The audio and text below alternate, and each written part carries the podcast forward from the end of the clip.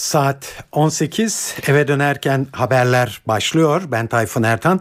Günün haberleri ve yorumlarıyla 19.30'a kadar sizlerle beraber olacağız. Öne çıkan gelişmelerin özetiyle başlıyoruz.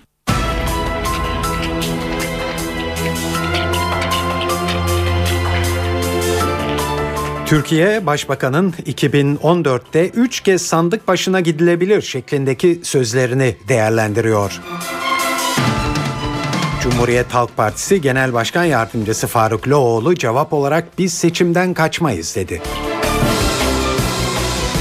Üniversitelerde ve stadyumlarda artan şiddet olaylarına karşı emniyete bağlı koruma memurları görevlendirilmesi düşünülüyor. Fikre üniversite yönetimlerinden tepki, spor kulüplerinden destek geliyor. Üniversiteye hazırlanan lise son sınıf öğrencileri 45 gün izinli sayılabilecekler. Suriye'de Esad güçleri muhaliflerin kontrolündeki Humus kentinin Kuseyir bölgesine saldırı başlattı. İlçenin merkezinde kontrolün orduya geçtiği belirtiliyor. Çok sayıda ölen var. Ve Beşiktaş'ta Samet Aybaba dönemi sona erdi.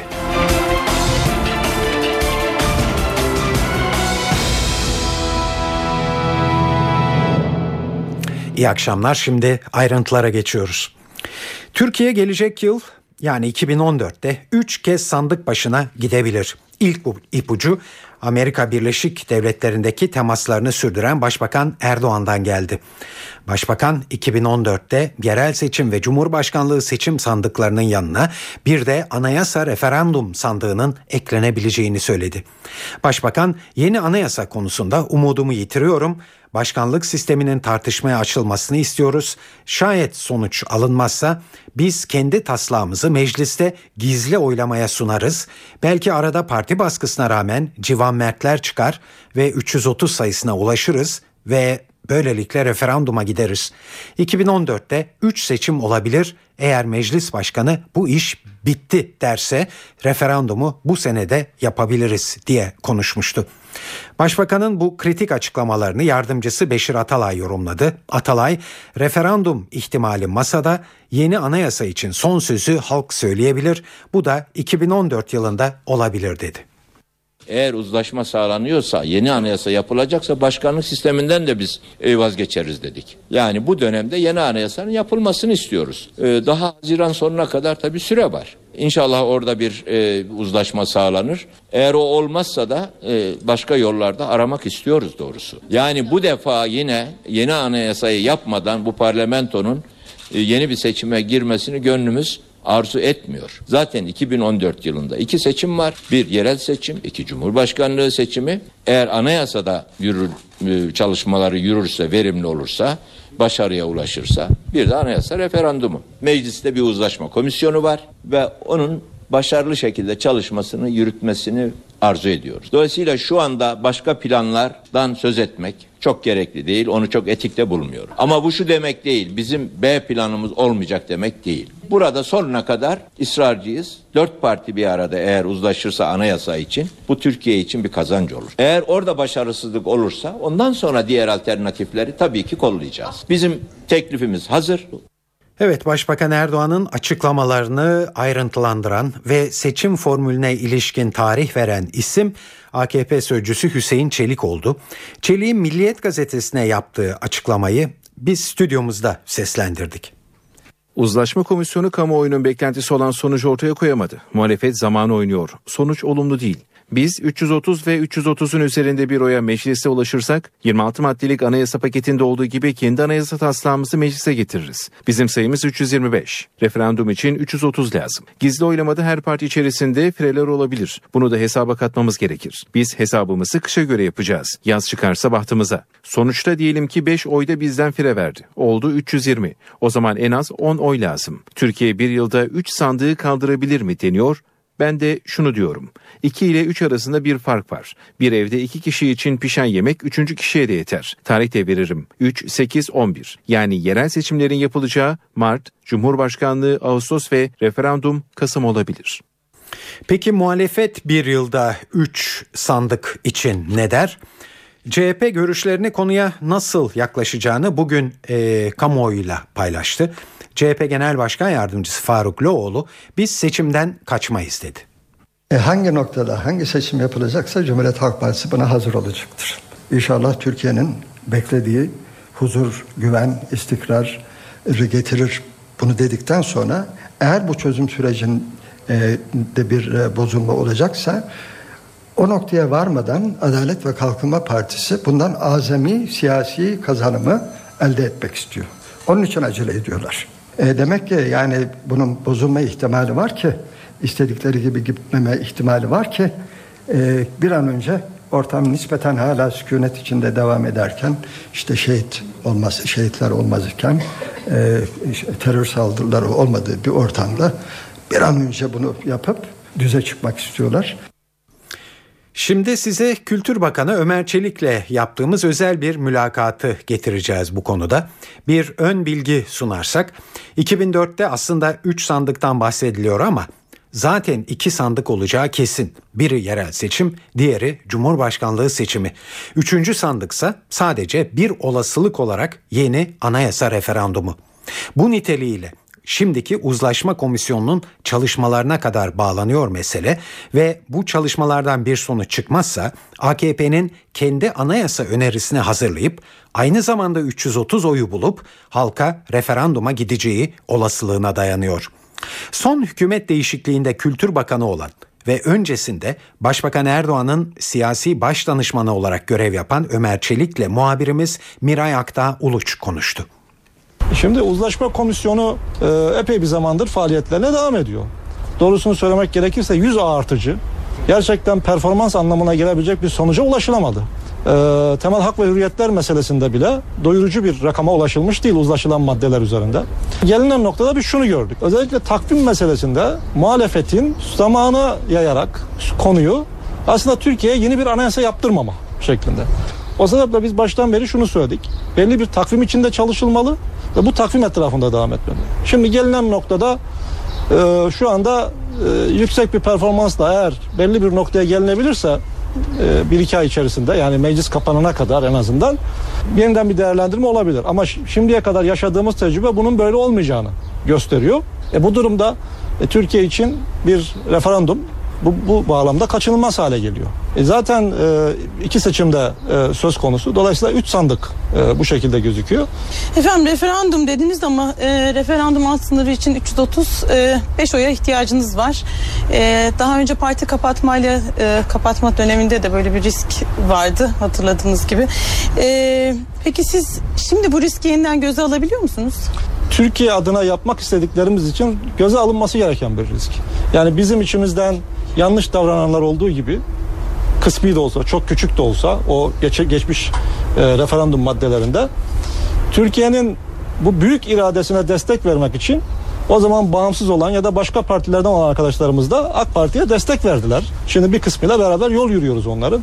Dolayısıyla biz muhalefet partisi, muhalefet partileri içerisinden de bu iradeye destek verecek isimlerin çıkacağını AK Parti'nin inşallah bu sefer fire vermeyeceğini düşünüyoruz. Ama netice itibariyle biz burada sonuç odaklı bakmıyoruz. Burada millete verilmiş bir söz vardır. Türkiye adına kayda geçmesi gereken bir şey var. Tabii ki sonucu alacağımızı da düşünüyoruz. Ama Türkiye bunu yapmak zorundadır. Türkiye gelecek perspektifini korumak için ve iradesini daha güçlü olarak geleceğe taşımak için bir yeni Türkiye'nin kimliğinin tescili olan bir doğum belgesi, bir kimlik ifadesi olarak bu yeni anayasa meselesini halletmek durumundadır. Efendim peki 330 yakalanmazsa nasıl bir B planınız var? Aslında herhangi bir parti, bir iktidar partisi mevcut değişikliklerle ben bu mevcut değişiklikler itibariyle elimdeki gücü koruyayım. Bu gücün bir şekilde saltanatını süreyim diye düşünse hiçbir şekilde yeni, yeni anayasa meselesine girmez. Gerçekten demokrasi tasavvuru olan bir parti bu yeni anayasa e, sürecini başlatmak ister. Dolayısıyla biz eğer orada halledemiyorsak bu sefer milletin huzuruna gideriz ve daha yüksek irade, daha yüksek destek isteriz genel seçimlerde. Ama bunu eninde sonunda yapacağız. Efendim uzlaşma komisyonundaki aslında bu son durumun e, temel nedenlerinden bir de başkanlık sistemiyle ilgili tartışmalar. Evet. AK Parti bu başkanlık sistemi önerisinden geri adım atar mı? Partili Cumhurbaşkanı öneriniz var. O nasıl bir model? Başkanlık sistemini yeni anayasayı engelleyen ya da yeni anayasanın önüne koyan bir irademiz yok. Eğer bugün uzlaşma komisyonu şu noktaya gelseydi başkanlık sisteminin ilgilendiren maddelerin dışındaki bütün maddelerde uzlaşma sağlanmış da sadece başkanlık sistemiyle ilgilendiren maddelerde eğer uzlaşma komisyonu bir irade ortaya çıkaramamış olsaydı o zaman AK Parti başkanlık sistemi konusundaki tavrını çekerdi. Partili Cumhurbaşkanlığı meselesi de şu. Şimdi sistemi sistemi iki yüzlükten kurtarmak lazım. Hiçbir cumhurbaşkanı köşke çıktığı zaman işte 20 yıllık sürecimizde de gör, görüyoruz. Hiçbir zaman partisiyle bağı aslında kesilmiyor. Ha bunu bir tür e, sistem sistem kendi içerisinde bir iki yüzlük üretiyor. Şeklen e, gibi yapılıyor ama gerçekte bu bağ devam ediyor. E bunun e, Fransa'daki yere başkanlık sisteminde olduğu gibi partisiyle ilişkisi devam edebilir. Yani na, nasıl yapılıyor? Cumhurbaşkanının partisiyle ilişkisi devam ediyor. Belki başka birisi e, genel başkanlık e, makamını yürütüyor. Başka ülkelerde genel başkanlık makamıyla başbakanlık makamı da e, ayrılabiliyor. Dolayısıyla buradaki temel mesele şu. Sistem içerisinde zaten fiilen var olan bir durumu yokmuş gibi göstererek sisteme iki yüzlülük pompalamaktan vazgeçmeliyiz. Sistem şeffaflaşmalı, öngörülebilir olmalı. Bütün faaliyetler net bir biçimde vatandaşın önünde olmalı. Bir cumhurbaşkanı hele de halk oyuyla seçileceği için yeni dönemde kampanyasını neyle yürütecek? Ait olduğu partinin tabanıyla yürütecek. Ya da ona kişisel olarak destek verenlerin e, desteği de buna eklenecek. E şimdi zaten ama ana gövdesini kimden çıktığı partinin tabanı oluşturacak. Şimdi siz bu partinin tabanıyla birlikte bir kampanya yürüteceksiniz yeni dönemde halk oyuyla seçilmek için. Ondan sonra da yukarı çıktığınızda benim bunlarla hiçbir bağım kalmadı diyeceksiniz. Bu eşyanın tabiatına aykırıdır. Ha bugün şunu soruyorum ben. Başkanlık sistemine karşıysa muhalefet o zaman bize çağdaş dünyanın standartlarında bir parlamentarizm önerisi getirsinler. Bir parlamenter sistem önerisi getirsinler. Bakın yapılan tartışmalara, uzlaşma komisyonuna verilen tekliflere bu ilerici bir parlamenter sistem, çağdaş dünyanın standartlarında bir parlamenter sistem önerisi de gelmiyor muhalefetten. Dolayısıyla başkanlık sistemine karşı olduklarını söylemeleri aslında daha iyi bir parlamenter sistemi arzu ettikleri için değil, sadece eskiyi korumak için ortaya koydukları bir tutum.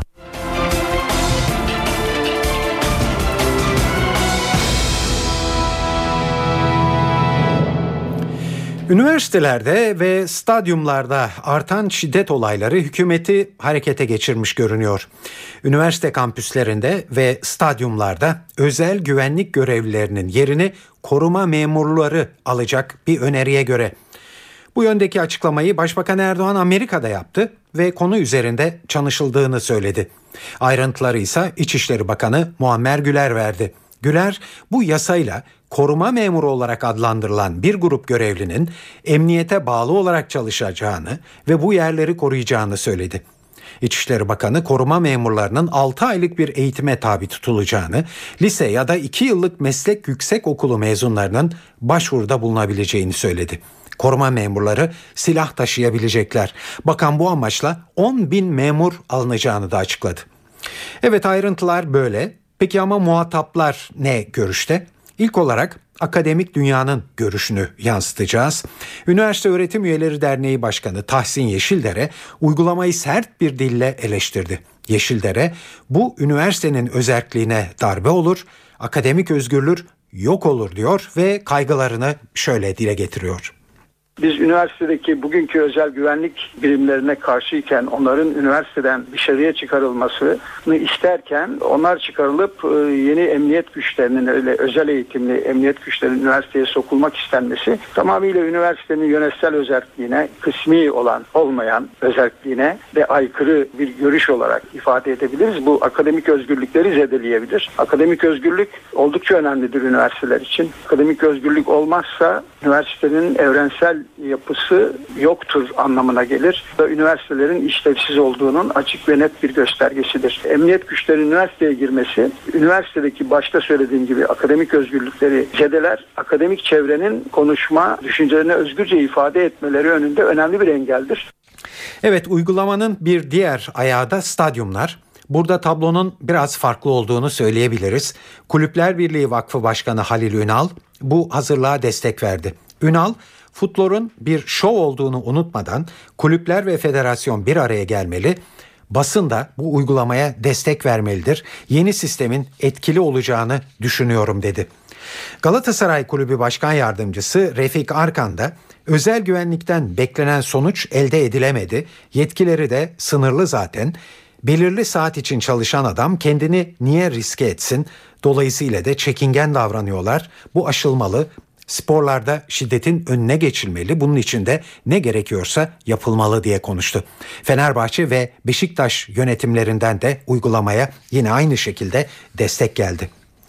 Evet futbol, stadyum ve şiddet dedikten sonra şimdi bununla bağlantılı bir habere geçeceğiz. Geçtiğimiz hafta oynanan Fenerbahçe Galatasaray derbisi sonrasında Edirne Kapı'da Fenerbahçeli bir taraftarı öldüren katil katil zanlısı için savcı iddianamesini hazırladı.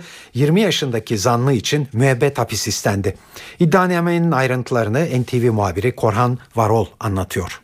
Fenerbahçe Galatasaray derbisi sonrası 19 yaşındaki Fenerbahçe taraftarı Burak Yıldırım'ı bıçakla öldürmek suçundan tutuklanan cinayetin katil zanlısı Yusuf Ortak hakkında kasten adam öldürmek suçundan müebbet hapis sistemiyle iddianame hazırlandı ve savcı iddianameyi nöbetçi ağır ceza mahkemesine gönderdi ve eğer bu iddianame kabul edilirse Yusuf Ortak müebbet hapis cezası istemiyle yargılanacak. Hatırlanacağı üzere geçtiğimiz pazar akşamı yılın son derbisinde Fenerbahçe Galatasaray maçının ardından Burak Yıldırım ve arkadaşları arkadaşları metrobüsle Edirne Kapı durağına gitmiş üst geçide çıkmıştı ve ne olduysa da zaten bu üst geçitte Edirne Kapı üst geçidinde olmuştu. Zaten Asayiş Şube Müdürlüğü cinayetin mobese kamera görüntülerinde hemen ertesi günü katil zanlısı yakalanır yakalanmaz basınla gazetecilerle paylaşmıştı, kamuoyuyla paylaşmıştı ve görüntülerde de hatırlanacağı üzere Burak Yıldırım ve arkadaşları e, üzerinde 7 numaralı Galatasaray forması giyen Yusuf Ortak'la karşılaşmıştı ve o sırada Yusuf Ortak çıkan tartışmanın ardından kavga sırasında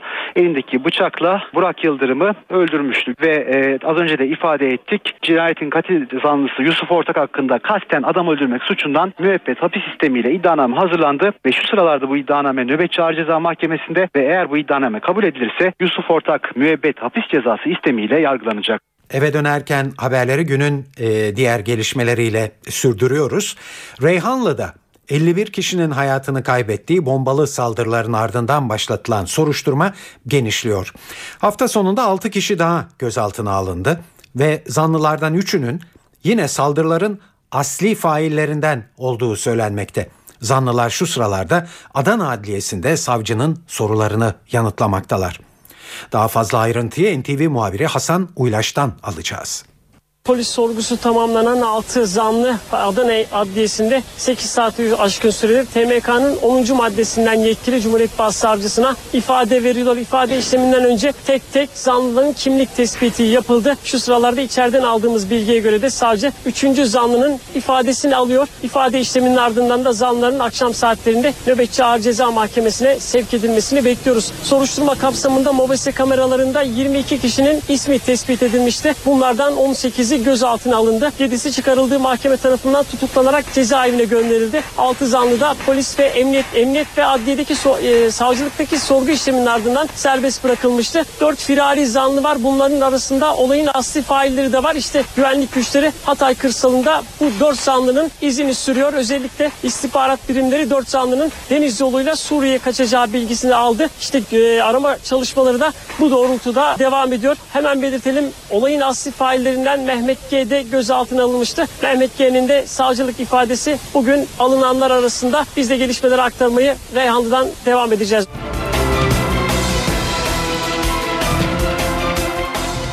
CHP Konya Milletvekili Atilla Kart'ın Hava Kuvvetleri Komutanlığı bünyesindeki 700'e yakın personelin Alevi olmaları nedeniyle tasfiye edilmeye çalışıldığı iddialarına Genelkurmay'dan bir açıklama geldi bugün. Genelkurmay silahlı kuvvetler personeli arasında inanç ve mezheple ilgili olarak hiçbir ayrımcılığın söz konusu olmadığını ifade etti.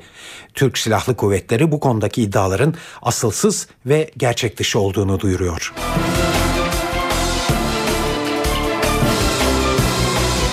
Üniversiteye hazırlanan lise son sınıf öğrencilerine sınav izni geldi.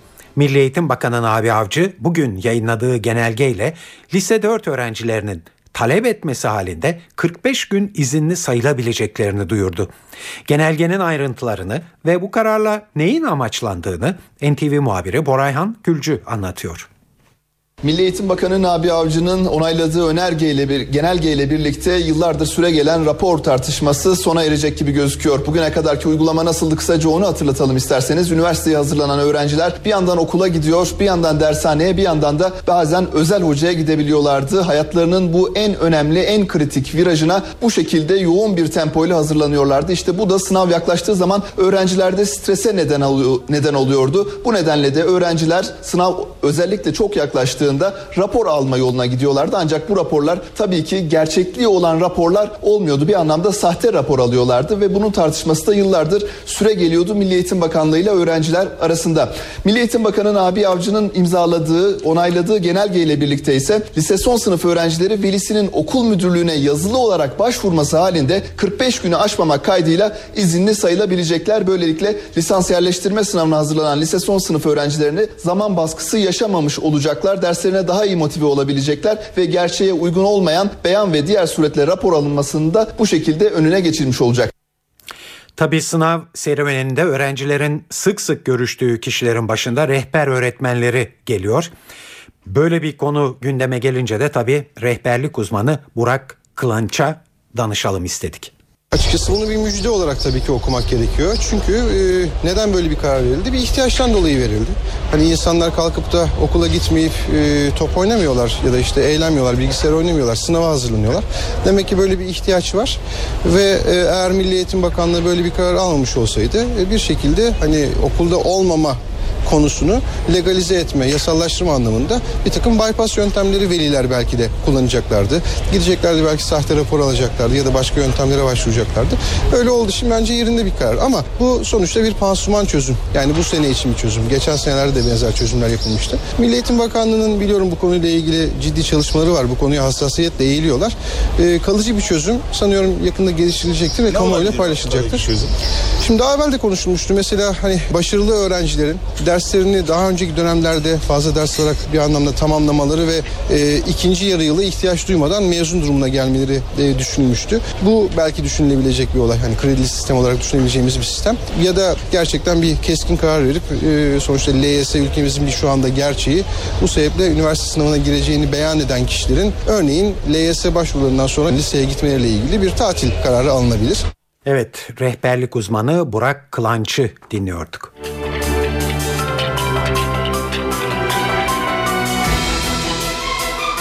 Balon turizminin önemli merkezlerinden Kapadokya'da bu sabah bir kaza yaşandı. İki balon çarpıştı. Balonlardan birinde yırtık oluştu. Hasar alan balon 300 metreden düştü. Kazada 65 ve 71 yaşlarında iki Brezilyalı turist öldü, 23 kişi de yaralandı. Sivil Havacılık Genel Müdürlüğü kazayla ilişkili olarak bir inceleme başlattı.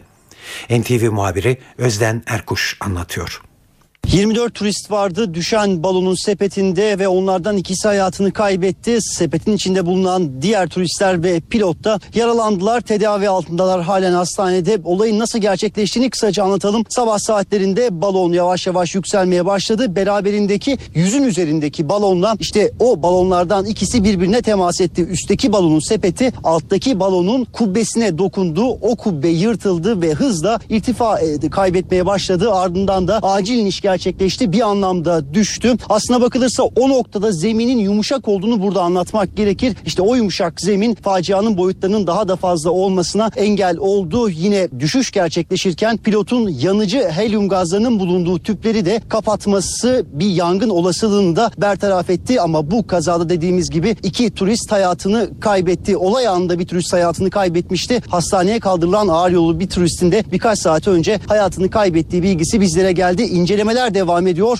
Adli inceleme, adli soruşturma da bir yandan sürüyor. Bilirkişi heyetlerinin bu konuda bir rapor hazırlaması bekleniyor. Olay anında çok sayıda balonda havada olduğu için aslına bakılırsa bolca da görüntü olduğu bilgisi bizlere ulaştı. O görüntüler izlenecek ardından da kazanın nasıl gerçekleştiğine ilişkin bir rapor hazırlanacak. Sivil Havacılık Genel Müdürlüğü yetkilileri tarafından o yetkililerin de Ankara'dan buraya gelmesi bekleniyor. Onların çalışmalarından sonra da enkazın kaldırılmasını bekleyeceğiz. Amerika'ya özel bir felaket olarak algılanan hortumlar artık Türkiye'de de sık sık görülmeye başlandı. Son olarak Bayburt ve Sivas'ta meydana gelen hortumlar hasara da neden oldu. 13 evin çatısı uçtu, elektrik ve telefon direkleri devrildi. Geçtiğimiz hafta Muş, Mardin ve Mersin'de de hortum nedeniyle iki kişi hayatını kaybetmiş ve yaralananlar olmuştu. Bu hortum vakalarının sık görülmeye başlanması Türkiye yeni bir doğal afetle yüz yüze mi sorusunu akıllara getiriyor. NTV muhabiri Korhan Varol bu soruyu İstanbul Teknik Üniversitesi'nden Profesör Orhan Şen'e yöneltti. Şen, hortum vakalarını görmeye alışmalıyız, hatta bunlar ileride daha da kuvvetlenecektir dedi.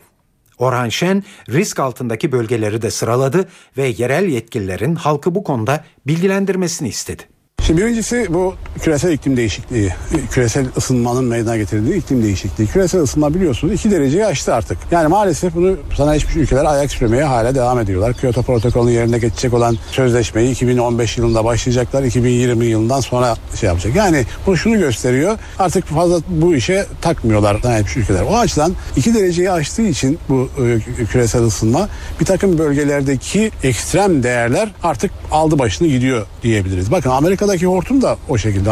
Amerika'daki hortumların mevsimi şu anda başladı ama esas yoğunluğu onun Ağustos ayı civarındadır. Orada bile daha erken başlıyor bu hortumlar. Türkiye'de bakıyoruz hortumlar artık sağda solda görmeye başlıyor. Ama Amerika'da hep olurdu. Türkiye'de artık can kayıpları başladı hocam. Şiddeti artıyor diyebilir miyiz? Hortum? Tabii şiddeti artıyor. Şimdi bu hortumların Türkiye'de can kaybına neden olmaması lazım. Mal kaybına neden olabilir ama olmazsa bu da tedbirsizlikten meydana geliyor. Ama ileride bu hortumlar daha da kuvvetlenecek. Bizim Türkiye'de bu hortumları sık sık görmeye başlayacağız artık. Canımızı yakmaya başladı onun için biraz bağırmaya çalışıyoruz. Hep Mersin'de, Antalya'da, o Akdeniz çanağında gördük ama biraz güneydoğuya doğru kaydığını gördük. Evet şimdi bakıyoruz bu Torosların yani Akdeniz şeridinin Torosların arka taraflarında e, Denizli'de görülüyor işte Manisa'da görülüyor. Ama Kahramanmaraş'ın uzantısı olan Akdeniz ikliminin uzantısı olan Kahramanmaraş, Elazığ, Malatya ve Muş bu civarlarda görülmeye başlandı. Bu civarlarda yani Güneydoğu Anadolu ile Doğu Anadolu'nun güney kısmında meteorolojik ekstremler, meteorolojik aşırı değerler biraz fazlalaşmaya başladı. Buralarda doğal afetler, deprem harici doğal afetler biraz canımızı yakacak gibi geliyor. O açıdan tedbir almak lazım. Yani bölge insanı alışmaya başlasın mı hortumlara? Alışmaya başlasın ve bir de tedbir almasını öğrensin. O açıdan da oradaki yerel yönetimlerin bunu e, okullarda veya işte çeşitli yerlerde bu eğitimi vermesi lazım. Nasıl depremden korunma eğitimleri veriliyor? Doğal afetlerden de bunlardan da korunma yöntemleri Tam da bu konuya lazım. değinecektim aslında. Bir deprem bilinci oluşmaya başladı artık toplumda. Hortumla ilgili ne gibi eğitim eğitici çalışmalar yapmak? Evet hortumla ilgili tabii çeşitli e, bu doğal afet e, deprem harici doğal afetlerle ilgili çalışmalar yapılması lazım. Eğitici çalışmaların yapılması lazım. Çünkü biz çok yabancıyız e, bu şeylere, doğal afetlere. Yani hortum olur, aa gökyüzünde bir şey oldu bekleriz. Halbuki bunların ne yapmamız gerekir? Yani hortum olduğu zaman hortumun alıp da sağa sola savrulacak bir takım barakaların olduğu yerlerden uzaklaşmamız lazım. Evet hortumların daha çok Amerika'ya has bir doğal afet olduğundan e, söz ediyoruz. E, hafta sonunda da nitekim e, bu doğrultuda bir haber geldi. Bu kez Oklahoma eyaleti hortumlara teslim oldu. Evler yıkıldı, ağaçlar kökünden söküldü, araçlar devrildi ve genişliği yer yer bir kilometreyi bulan hortumlar eyaletteki Shawnee kasabasında can aldı. Bir kişi öldü, 20'ye yakın kişi de yaralandı. Eyalet valisi 16 ilçede acil durum ilan edildiğini açıkladı. Geçen hafta Teksas'ı vuran hortumlarda da 6 kişi yaşamını yitirmiş, onlarca kişi de yaralanmıştı.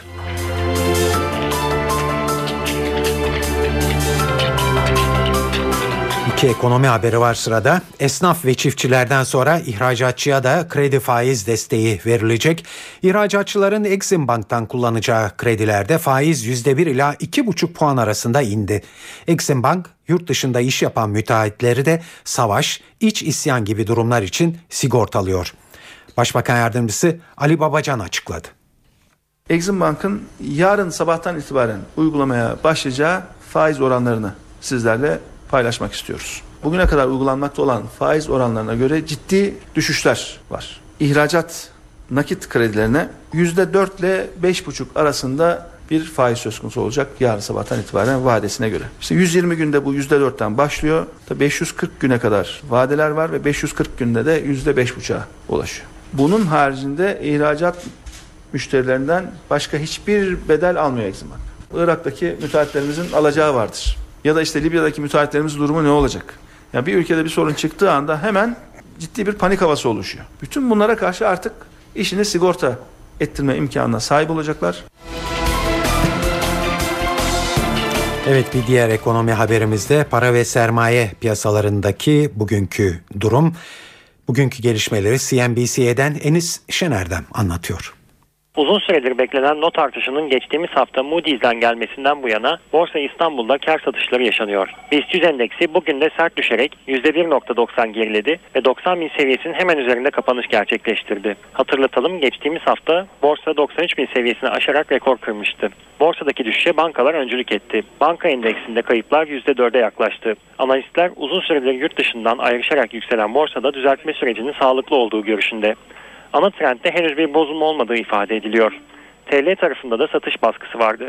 Dolar TL 1.85 sınırına kadar yükselirken %50 dolar %50 eurodan oluşan döviz sepeti ise Mart 2012'den bu yana ilk kez 2.11 seviyesini aştı.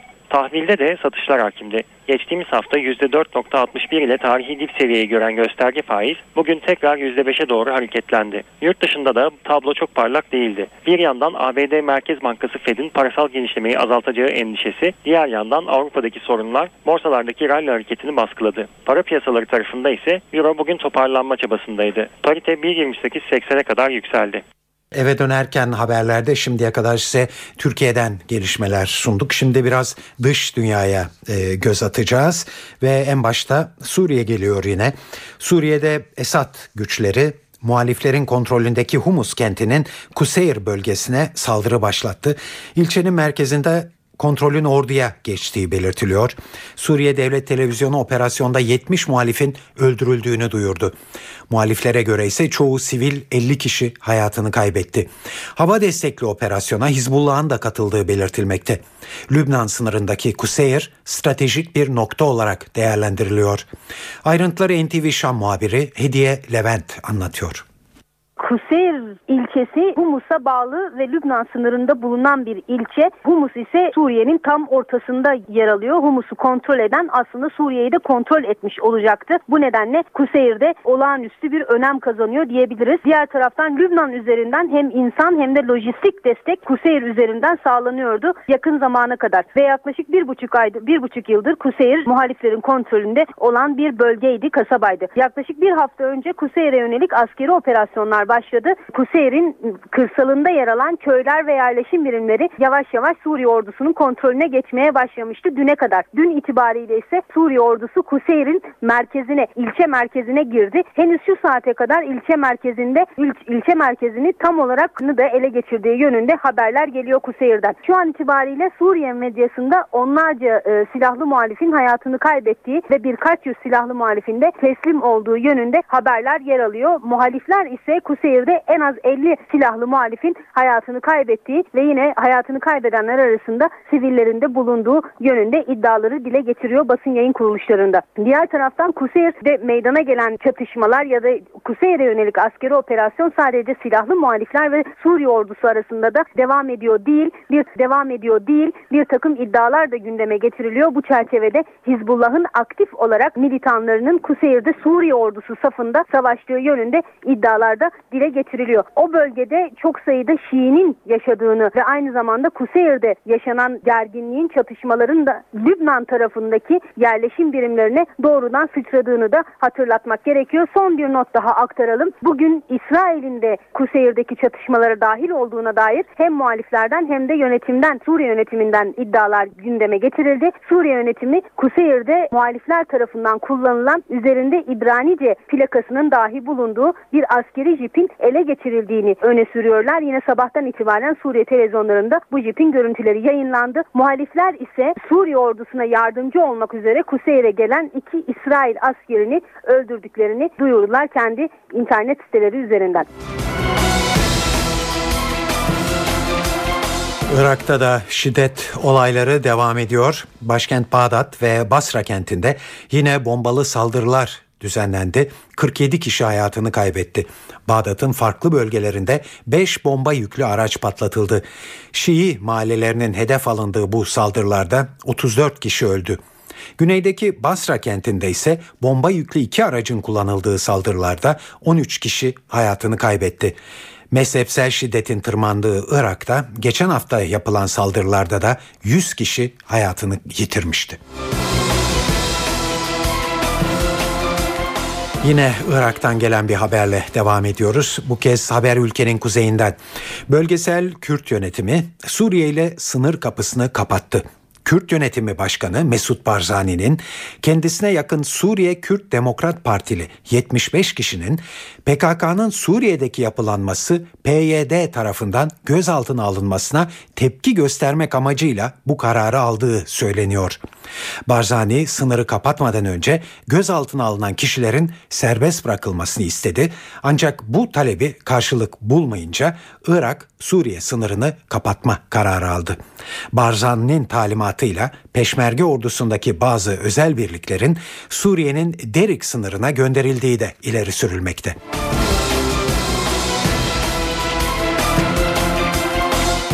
Almanya'da hükümet radikal İslamcıları ülkeden sınır dışı etmekle tehdit etti. İçişleri Bakanı Hans-Peter Frederik, ikamet yasasında değişikliğe gideceklerini söyledi. Frederik böylece kışkırtıcı nefret söylemine başvuran İslamcıların sınır dışı edilmesinin kolaylaşacağını söyledi. Ayrıntıları Deutsche Welle Türkçe servisinden Başak Sezen derledi. Almanya ülkedeki radikal İslamcılara karşı sert önlem hazırlığında kışkırtıcı ve nefret dolu söylemlerde bulunan İslamcıların sınır dışı edilmesi de bu önlemler arasında. Hristiyan Sosyal Birlik Partili İçişleri Bakanı Hans-Peter Friedrich, ikamet yasasında bu amaçla reforma gitmeyi planladığını açıkladı. Neue Osnabrücken Zeitung'a bir demeç veren İçişleri Bakanı, yasada yapılacak değişikliklerle ülkede nefret dolu açıklamalar yapan İslamcıların sınır dışı edilmesinin kolaylaştırılmasını hedeflediğini belirtti. İçişleri Bakanı, dini nefret eken sınır dışı uygulamasını biçer şeklinde konuştu. Bakan, yasada yapılacak değişiklikle radikallere yönelik uygulamaların sertleştirilmesinin planlandığını da kaydetti. Almanya İçişleri Bakanı, bu hafta yapılacak İçişleri Bakanları Konferansı'nda konuyla ilgili bir yasa taslağı sunmayı planlıyor. Bakan verdiği demeçte Suriye'de bulunan Alman İslamcılara da dikkat çekti. Suriye'de 30 Alman İslamcının bulunduğunu ifade eden Friedrich, bu sayının giderek arttığını kaydetti. Alman İçişleri Bakanı bu İslamcıların er ya da geç bizi hedef almasından endişe edilmeli dedi. Hans-Peter Friedrich Suriye'nin son dönemlerde cihat savaşçılarının yetiştiği bir yer haline geldiğini söyleyerek Avrupa genelinden Suriye'de 600-700 İslamcının bulunduğunun tahmin edildiğini ifade etti. Bakan bu rakamın Suriye'deki yabancı milislerin onda birini oluşturduğunu söyledi. Başak Sezen, Deutsche Welle Türkçe, Bonn. Kuzey Kıbrıs Türk Cumhuriyeti'nde erken seçime gidiliyor.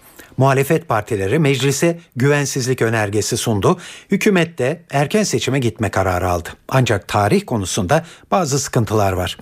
NTV Lefkoşe temsilcimiz Selim Sayar anlatıyor. Takvim 28 Temmuz'u işaret ediyor. 28 Temmuz'da er, erken seçim yapılacak. Normalde 2014 Nisan ayındaydı. E, tabii bir süredir Başbakan İrsen Küçük parti içi muhalefetin baskısı altındaydı. Sonunda e, parti içi muhalefet meclisteki muhalif tüm partilerle birleşip güvensizlik önergesi e, almayı başarınca e, Başbakan İrsen Küçük de erken seçime gitmek zorunda kaldı. Tabii neden Temmuz, neden bu kadar erken bir erken seçim? O da şu tabii başbakan başbakan koltuğunda oturarak bu seçime gitmeyi istiyor. E, bu noktada da e, ana muhalefetteki Cumhuriyetçi Türk Partisi'nin desteğini alarak e, seçimin 28 Temmuz'da yapılması e, kararına vardı. Tabii e, iki e, konu var. E, bu seçim e, bir yıla öne alınan seçimin sonuçları ne olabilir? E, tek başına iktidar uzak ihtimal olarak gözüküyor. Muhtemelen bir koalisyon çıkacak. İkinci soruysa Temmuz'da ilk kez Temmuz ayında bir seçim yapılıyor. 45 derece sıcaklıkta seçmenin ne kadarı e, sandık başına gidecek? Bu da önemli bir soru soru işareti. Bu ilk kez Temmuz ayında e, yapılacak seçimlerde plaja mı yoksa sandığa mı gidecekler bunu hep birlikte göreceğiz. Tunus'ta hükümetin büyük ortağı İslamcı Ennahda hareketi Selefiler denen aşırı İslamcılara savaş açtı. Hükümet Selefilerin yıllık toplantılarını yapmalarına izin vermeyince başkent sokakları karıştı. Selefiler polisle çatıştı. Polis göstericileri dağıtmak için havaya ateş açtı, göz yaşartıcı gaz kullandı. Tunus Başbakanı Ali El Ureyd'in açıklamaları hükümetin Selefilere yönelik yumuşak tavrının değiştiğini ortaya koydu. El Ureyd, terörle bağlantılı olmakla suçladığı Selefilere karşı gerekli önlemlerin alınacağını açıkladı. Selefiler Tunus'ta dine daha fazla ağırlık verilmesini istiyor. Laiklerse demokrasi, kadın hakları ve bireysel özgürlüklerin kısıtlanacağı kaygısıyla buna karşı çıkıyor.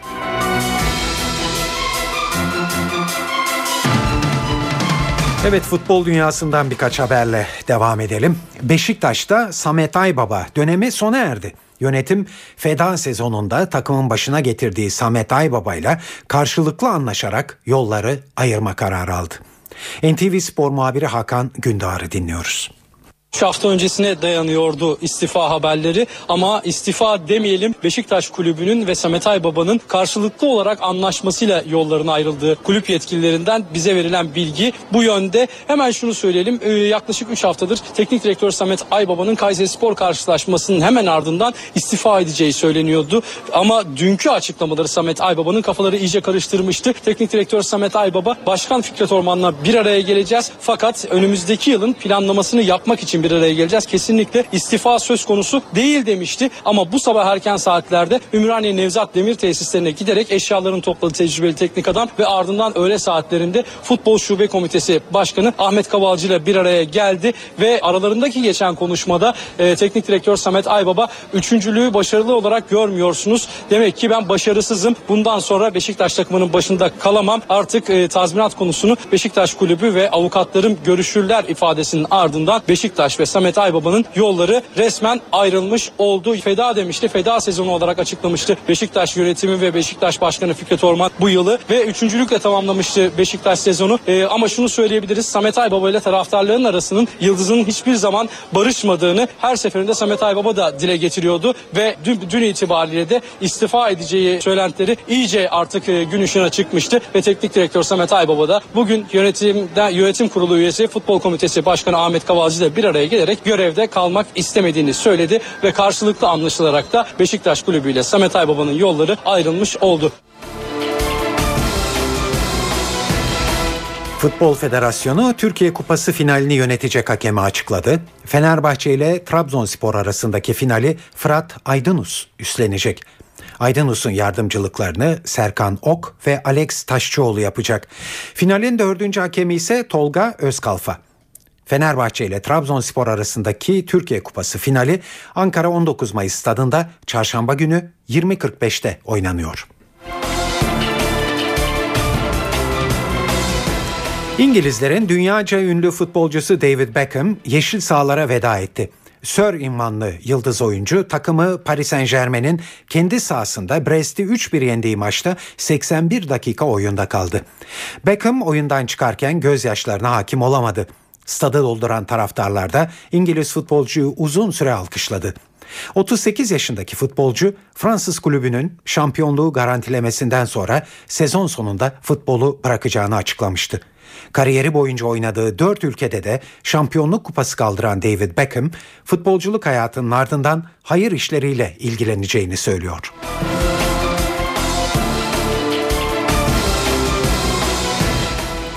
Sırada hava durumu var. Bunun için de her akşam olduğu gibi yine NTV Meteoroloji Editörü Gökhan Abur'a başvuruyoruz. Hafta sonu başlayan sıcaklık yükselmesi tüm yurda etkisi altına aldı. Sıcaklıklar yarından itibaren daha da yükselecek. Özellikle Ege ve Akdeniz'de yer yer 30 dereceleri geçiyor. Bugün için Akdeniz boyunca 32 ile 34 derece arasında değişen sıcaklıklar var. Yarın da yüksek sıcaklıklar Akdeniz'de, Ege'de, Marmara'nın güneyinde, iç kesimlerde ve doğuda etkisini sürdürmeye devam edecek. Doğudaki yağışlar ara vermiyor. Yarın da yine kısa süreli olsa doğu bölgelerde hafif de olsa sağanak yağmur geçişleri var. Batıda ise Trakya'da artacak bulutlanma kısa süreli yağış bırakabilir ki yağışlar Kırklareli ve Edirne'nin kuzey ilçeleri arasında olacak. Çarşamba günü batıda ve iç kesimlerde yağış beklemiyoruz. Doğuda yine kısa süreli ve gün içinde oluşacak yağışlar var. Perşembe günü ise batı bölgelerde kuvvetlenecek. Ege'de zaman zaman fırtına boyutlarına çıkacak lodos sıcaklıkları daha da yükseltecek. Ve lodos beraberinde özellikle öğleden sonra ve akşam saatlerinde kıyı Ege ve Marmara'nın güney ve batı kesimlerine yağış getirecek. Cuma günü ise sıcaklıklar Trakya'dan başlayarak Lodos'un peşinden rüzgarın kuzeye dönmesiyle 4-5 derece birden azalacak. Evet İstanbul'da yarın hava oldukça sıcak ve beklediğimiz sıcaklık yine 28 derece civarında olacak. Rüzgar çok kuvvetli değil. Ankara'da ise sıcaklıklar çarşambadan itibaren daha da yükselecek. Yarın sıcaklık yine 27-28 dereceler civarında olacak. İzmir'de ise yüksek sıcaklıklar etkisini sürdürüyor. Rüzgar kuvvetli değil. Yarın beklediğimiz sıcaklık 33 derece olacak. Eve dönerken haberler özetlerle başlıyor.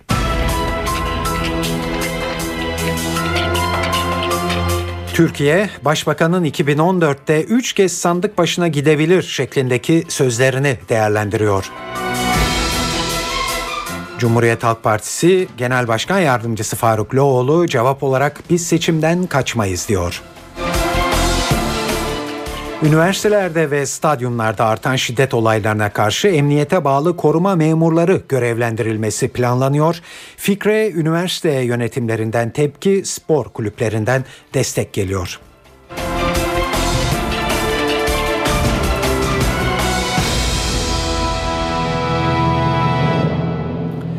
Evet Türkiye gelecek yıl yani 2014'te 3 kez sandık başına gidebilir. İlk ipucu Amerika Birleşik Devletleri'nde temaslarını sürdüren Başbakan Erdoğan'dan geldi. Başbakan 2014'te yerel seçim ve Cumhurbaşkanlığı seçim sandıklarının yanına bir de anayasa referandum sandığının eklenebileceğini söyledi. 2014'te 3 seçim olabilir. Eğer meclis başkanı bu iş bitti derse referandumu bu senede yapabiliriz diye konuştu Erdoğan. Erdoğan'ın açıklamalarını ayrıntılı hale getiren ve seçim formülüne ilişkin tarih veren isim AKP sözcüsü Hüseyin Çelik oldu. Çelik'in Milliyet gazetesine yaptığı açıklamayı stüdyomuzda seslendirdik. Uzlaşma Komisyonu kamuoyunun beklentisi olan sonucu ortaya koyamadı. Muhalefet zamanı oynuyor. Sonuç olumlu değil. Biz 330 ve 330'un üzerinde bir oya meclise ulaşırsak 26 maddelik anayasa paketinde olduğu gibi kendi anayasa taslağımızı meclise getiririz. Bizim sayımız 325. Referandum için 330 lazım. Gizli oylamada her parti içerisinde fireler olabilir. Bunu da hesaba katmamız gerekir. Biz hesabımızı kışa göre yapacağız. Yaz çıkarsa bahtımıza. Sonuçta diyelim ki 5 oyda bizden fire verdi. Oldu 320. O zaman en az 10 oy lazım. Türkiye bir yılda 3 sandığı kaldırabilir mi deniyor. Ben de şunu diyorum. 2 ile 3 arasında bir fark var. Bir evde 2 kişi için pişen yemek 3. kişiye de yeter. Tarih de veririm. 3, 8, 11. Yani yerel seçimlerin yapılacağı Mart, Cumhurbaşkanlığı Ağustos ve referandum Kasım olabilir. Evet, muhalefet bir yılda 3 sandık için ne der? E, bu sorunun yanıtını Cumhuriyet Halk Partisi Genel Başkanı Yardımcısı Faruk Loğlu biz seçimden kaçmayız diyerek verdi. E hangi noktada hangi seçim yapılacaksa Cumhuriyet Halk Partisi buna hazır olacaktır. İnşallah Türkiye'nin beklediği huzur, güven, istikrar getirir. Bunu dedikten sonra eğer bu çözüm sürecinde bir e, bozulma olacaksa o noktaya varmadan Adalet ve Kalkınma Partisi bundan azami siyasi kazanımı elde etmek istiyor. Onun için acele ediyorlar. E demek ki yani bunun bozulma ihtimali var ki istedikleri gibi gitmeme ihtimali var ki e, bir an önce ortam nispeten hala sükunet içinde devam ederken işte şehit olmaz şehitler olmaz iken e, terör saldırıları olmadığı bir ortamda bir an önce bunu yapıp düze çıkmak istiyorlar. Şimdi size Kültür Bakanı Ömer Çelik'le yaptığımız özel bir mülakatı getireceğiz. Bir ön bilgi sunarsak 2004'te 3 sandıktan bahsediliyor ama aslında zaten 2 sandık olacağı kesin. Biri yerel seçim, diğeri Cumhurbaşkanlığı seçimi. Üçüncü sandıksa değindiğimiz gibi bir olasılık olarak yeni anayasa referandumu. Bu niteliğiyle Uzlaşma Komisyonu'nun çalışmalarına kadar gidiyor mesele ve bu çalışmalardan bir sonuç çıkmazsa AKP'nin kendi anayasa önerisini hazırlayıp aynı zamanda 330 oyu bulup halka referanduma gideceği olasılığına dayanmakta. Son hükümet değişikliğinde Kültür Bakanı olan ve öncesinde Başbakan Erdoğan'ın siyasi baş danışmanı olarak görev yapan Ömer Çelik'le muhabirimiz Miray Akta Uluç konuştu. Şimdi uzlaşma komisyonu e, epey bir zamandır faaliyetlerine devam ediyor. Doğrusunu söylemek gerekirse yüz artıcı gerçekten performans anlamına gelebilecek bir sonuca ulaşılamadı. Ee, temel hak ve hürriyetler meselesinde bile doyurucu bir rakama ulaşılmış değil uzlaşılan maddeler üzerinde. Gelinen noktada bir şunu gördük. Özellikle takvim meselesinde muhalefetin zamana yayarak konuyu aslında Türkiye'ye yeni bir anayasa yaptırmama şeklinde. O sebeple biz baştan beri şunu söyledik. Belli bir takvim içinde çalışılmalı ve bu takvim etrafında devam etmeli. Şimdi gelinen noktada e, şu anda e, yüksek bir performansla eğer belli bir noktaya gelinebilirse e, bir iki ay içerisinde yani meclis kapanana kadar en azından yeniden bir değerlendirme olabilir. Ama şimdiye kadar yaşadığımız tecrübe bunun böyle olmayacağını gösteriyor. E bu durumda e, Türkiye için bir referandum bu, bu bağlamda kaçınılmaz hale geliyor. E zaten e, iki seçimde e, söz konusu. Dolayısıyla üç sandık e, bu şekilde gözüküyor. Efendim referandum dediniz ama e, referandum alt sınırı için 335 e, oya ihtiyacınız var. E, daha önce parti kapatmayla e, kapatma döneminde de böyle bir risk vardı hatırladığınız gibi. E, peki siz şimdi bu riski yeniden göze alabiliyor musunuz? Türkiye adına yapmak istediklerimiz için göze alınması gereken bir risk. Yani bizim içimizden yanlış davrananlar olduğu gibi kısmi de olsa, çok küçük de olsa o geç, geçmiş e, referandum maddelerinde Türkiye'nin bu büyük iradesine destek vermek için o zaman bağımsız olan ya da başka partilerden olan arkadaşlarımız da AK Parti'ye destek verdiler. Şimdi bir kısmıyla beraber yol yürüyoruz onların. Dolayısıyla biz muhalefet partisi, muhalefet partileri içerisinden de bu iradeye destek verecek isimlerin çıkacağını, AK Parti'nin inşallah bu sefer fire vermeyeceğini düşünüyoruz. Ama netice itibariyle biz burada sonuç odaklı bakmıyoruz. Burada millete verilmiş bir söz vardır. Türkiye adına kayda geçmesi gereken bir şey var. Tabii ki sonucu alacağımızı da düşünüyoruz. Ama Türkiye bunu yapmak zorundadır. Türkiye gelecek perspektifini korumak için ve iradesini daha güçlü olarak geleceğe taşımak için bir yeni Türkiye'nin kimliğinin tescili olan bir doğum belgesi, bir kimlik ifadesi olarak bu yeni anayasa meselesini halletmek durumundadır. Efendim peki 330 yakalanmazsa nasıl bir B planınız var? Aslında herhangi bir parti, bir iktidar partisi mevcut değişikliklerle ben bu mevcut değişiklikler itibariyle elimdeki gücü koruyayım. Bu gücün bir şekilde saltanatını süreyim diye düşünse hiçbir şekilde yeni, yeni anayasa meselesine girmez gerçekten demokrasi tasavvuru olan bir parti bu yeni anayasa e, sürecini başlatmak ister. Dolayısıyla biz eğer orada halledemiyorsak bu sefer milletin huzuruna gideriz ve daha yüksek irade, daha yüksek destek isteriz genel seçimlerde. Ama bunu eninde sonunda yapacağız. Efendim uzlaşma komisyonundaki aslında bu son durumun e, temel nedenlerinden bir de başkanlık sistemiyle ilgili tartışmalar. Evet. AK Parti bu başkanlık sistemi önerisinden geri adım atar mı? Partili Cumhurbaşkanı öneriniz var. O nasıl bir model? Başkanlık sistemini yeni anayasayı engelleyen ya da yeni anayasanın önüne koyan bir irademiz yok. Eğer bugün uzlaşma komisyonu şu noktaya gelseydi başkanlık sisteminin ilgilendiren maddelerin dışındaki bütün maddelerde uzlaşma sağlanmış da sadece başkanlık sistemiyle ilgilendiren maddelerde eğer uzlaşma komisyonu bir irade ortaya çıkaramamış olsaydı o zaman AK Parti başkanlık sistemi konusundaki tavrını çekerdi. Partili Cumhurbaşkanlığı meselesi de şu. Şimdi sistemi sistemi iki yüzlükten kurtarmak lazım. Hiçbir cumhurbaşkanı köşke çıktığı zaman işte 20 yıllık sürecimizde de gör, görüyoruz. Hiçbir zaman partisiyle bağı aslında kesilmiyor. Ha bunu bir tür e, sistem sistem kendi içerisinde bir iki yüzlük üretiyor. Şeklen e, gibi yapılıyor ama gerçekte bu bağ devam ediyor. E bunun e, Fransa'daki yere başkanlık sisteminde olduğu gibi partisiyle ilişkisi devam edebilir. Yani na, nasıl yapılıyor? Cumhurbaşkanının partisiyle ilişkisi devam ediyor. Belki başka birisi e, genel başkanlık e, makamını yürütüyor. Başka ülkelerde genel başkanlık makamıyla başbakanlık makamı da e, ayrılabiliyor. Dolayısıyla buradaki temel mesele şu.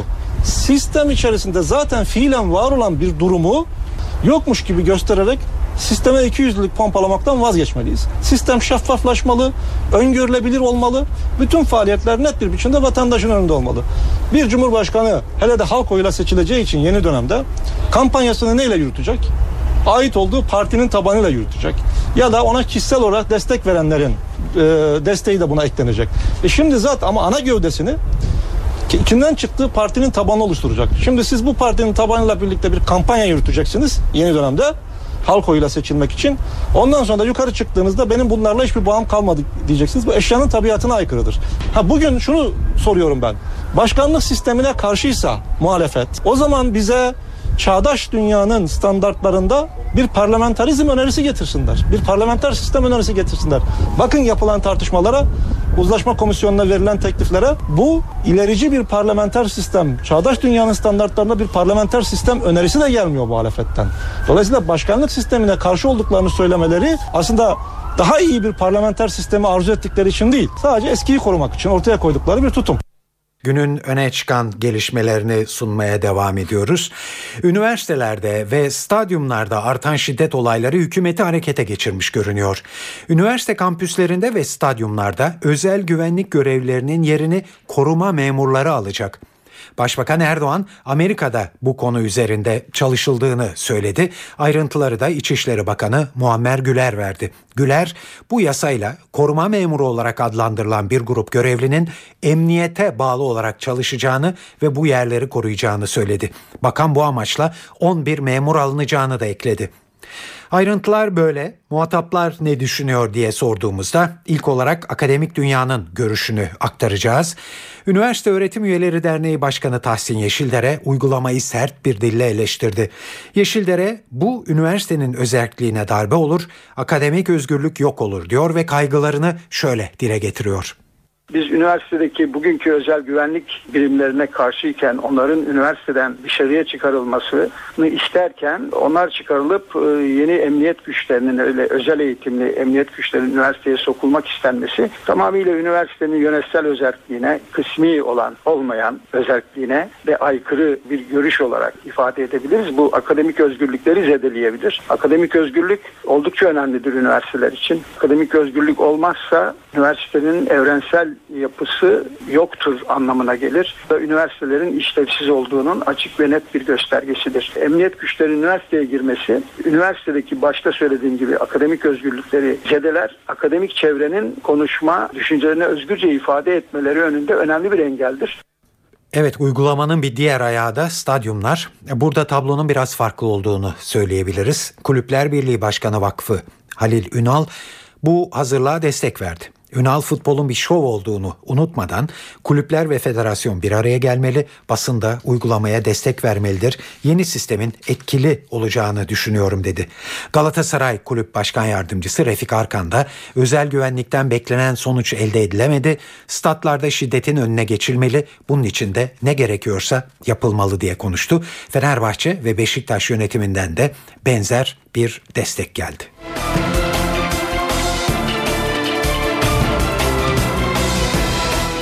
Üniversiteye hazırlanan lise son sınıf öğrencilerine sınav izni geldi. Milli Eğitim Bakanı Nabi Avcı bugün yayınladığı genelgeyle lise 4 öğrencilerinin talep etmesi durumunda 45 gün izinli sayılabileceklerini duyurdu. Genelgenin ayrıntılarını ve bu kararla neyin amaçlandığını NTV muhabiri Borayhan Gülcü anlatıyor. Milli Eğitim Bakanı Nabi Avcı'nın onayladığı önergeyle bir genelgeyle birlikte yıllardır süre gelen rapor tartışması sona erecek gibi gözüküyor. Bugüne kadarki uygulama nasıldı kısaca onu hatırlatalım isterseniz. Üniversiteye hazırlanan öğrenciler bir yandan okula gidiyor, bir yandan dershaneye, bir yandan da bazen özel hocaya gidebiliyorlardı. Hayatlarının bu en önemli, en kritik virajına bu şekilde yoğun bir tempoyla hazırlanıyorlardı. İşte bu da sınav yaklaştığı zaman öğrencilerde strese neden oluyordu. Bu nedenle de öğrenciler sınav özellikle çok yaklaştığı yapıldığında rapor alma yoluna gidiyorlardı. Ancak bu raporlar tabii ki gerçekliği olan raporlar olmuyordu. Bir anlamda sahte rapor alıyorlardı ve bunun tartışması da yıllardır süre geliyordu Milli Eğitim Bakanlığı ile öğrenciler arasında. Milli Eğitim Bakanı Nabi Avcı'nın imzaladığı, onayladığı genelge ile birlikte ise lise son sınıf öğrencileri velisinin okul müdürlüğüne yazılı olarak başvurması halinde 45 günü aşmamak kaydıyla izinli sayılabilecekler. Böylelikle lisans yerleştirme sınavına hazırlanan lise son sınıf öğrencilerini zaman baskısı yaşamamış olacaklar. Ders derslerine daha iyi motive olabilecekler ve gerçeğe uygun olmayan beyan ve diğer suretle rapor alınmasını da bu şekilde önüne geçilmiş olacak. Sınav serüveninde öğrencilerin sık sık görüştüğü kişilerin başında tabi rehber öğretmenleri geliyor. Bir rehberlik uzmanı Burak Kılanç'ı dinliyoruz şimdi. Açıkçası bunu bir müjde olarak tabii ki okumak gerekiyor. Çünkü e, neden böyle bir karar verildi? Bir ihtiyaçtan dolayı verildi.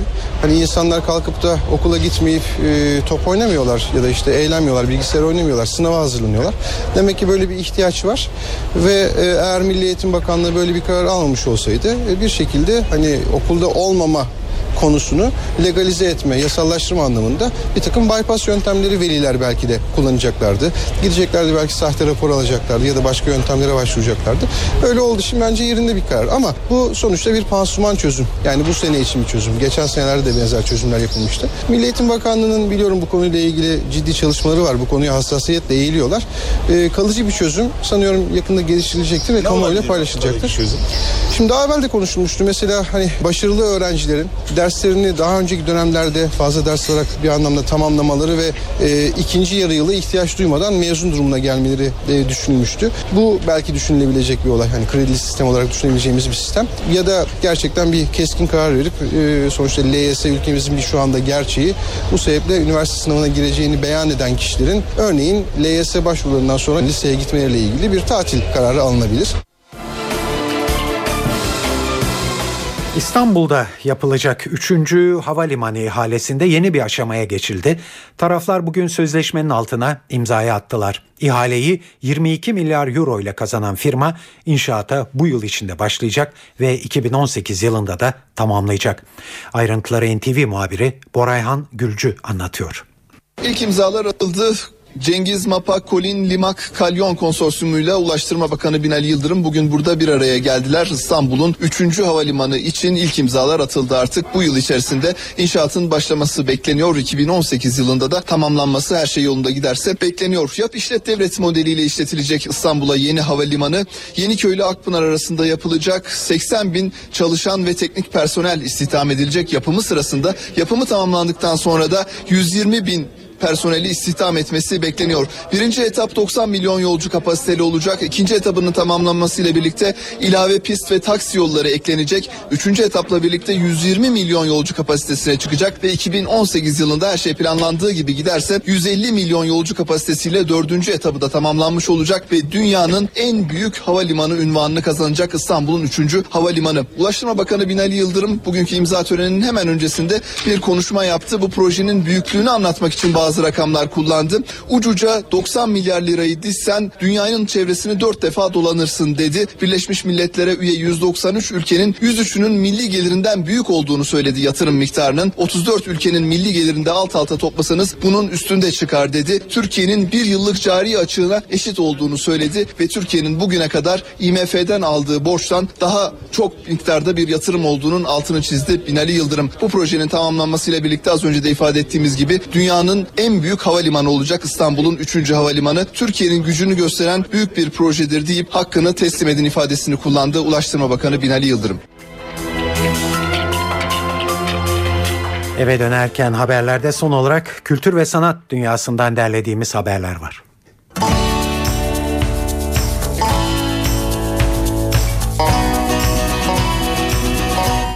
Bugün ve yarın Babilon sahnesinde trompetin usta ismi İbrahim Maluf olacak.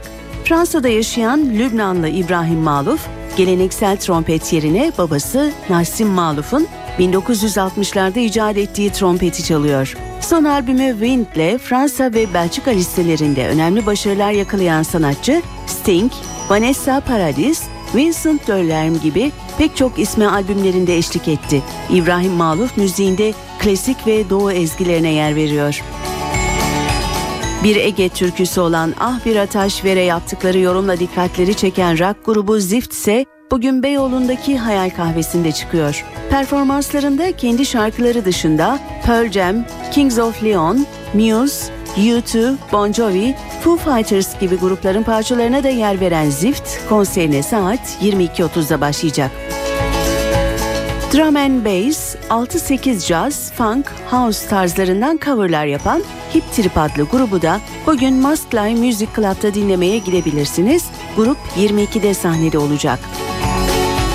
Hareket Atölyesi topluluğunun Kül Kadın adlı oyununun da ön gösterimi var bugün Salon İKSV'de. Oyunda Kül Kedisi masalı, antropoloji ve hikaye anlatımı açısından yeniden yorumlanıyor. Kül Kadın premierini sonbaharda yapacak. Ön gösterimse oyunu bu aşamada seyirciyle paylaşmak ve oyun sonrasında fikir alışverişinde bulunmak için yapılacak. Başlama saati 20.30, tekrar edelim mekanı ise Salon İKSV.